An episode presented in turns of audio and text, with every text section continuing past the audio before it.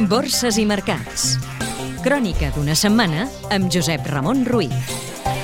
En el centre de la crisi del deute sobirà Europa i enmig de la tempesta per l'expropiació del 51% de les accions d'IPF, la filial argentina de Repsol ha continuat per tercera setmana consecutiva el càstig a una borsa espanyola, que ja és la pitjor borsa del món. Des de l'1 de gener, el selectiu IBEX 35 acumula uns números vermells d'un 17,81%. La delicada situació de l'economia espanyola, amb una elevada morositat de la banca per sobre del 8%, i la desconfiança estrangera sobre la capacitat d'Espanya per complir amb l'objectiu de dèficit públic aquest any, han tornat a tensar el deute fins als nivells més alts des del passat mes de novembre.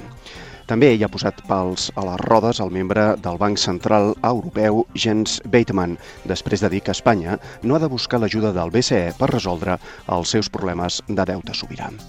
Així, després de viure la patacada de l'any, un 3,99% el passat dimecres negre i la setmana que el Tresor espanyol ha col·locat amb una sòlida demanda 5.720 milions d'euros en lletres, bons i obligacions pagant més interessos, l'IBEX 35 de dilluns a divendres ha baixat un 2,7% i se situa en els 7.040 punts. Si el selectiu espanyol, en mínims des del mes de març de 2009, cau per sota dels 6.702 punts, se situaria en nivells no vistos des d'octubre de 2003. Cotitzades catalanes. CaixaBank. L'entitat que ha celebrat Junta d'Accionistes ha guanyat de gener a març 48 milions d'euros, un 84% menys respecte al mateix període de 2011, per sota de les estimacions dels analistes. Gas natural Fenosa. La Junta d'Accionistes de l'Energètica ha aprovat una retribució de dividends de 821 milions d'euros amb càrrec als resultats de 2011, un 10% més respecte a l'any anterior. Miquel i Costes. La paperera ha distribuït un tercer dividend a compte de l'exercici passat de 0,12 euros bruts per acció. Fer-se energies renovables. Rebuig inicial de l'OPA anunciada per la danesa GreenTech sobre el 100% de la catalana per 56 milions d'euros, amb un descompte del 8% sobre la seva cotització. L'euro.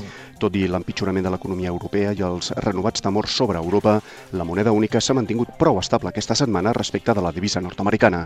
Aquest divendres el Banc Central Europeu n'ha fixat el seu canvi oficial a 1,31, 92 unitats. El petroli. El preu del barril de cru tipus Brent, el de referència a Europa per a fixar el cost dels combustibles, s'ha baratit al voltant dels 118 dòlars de mitjana, després que les reserves setmanals de gasolines i derivats han pujat més del previst als Estats Units. Vocabulari financer. La participació en les juntes d'accionistes. Els accionistes poden exercir diferents drets regulats pels estatuts socials de les empreses en les juntes d'accionistes.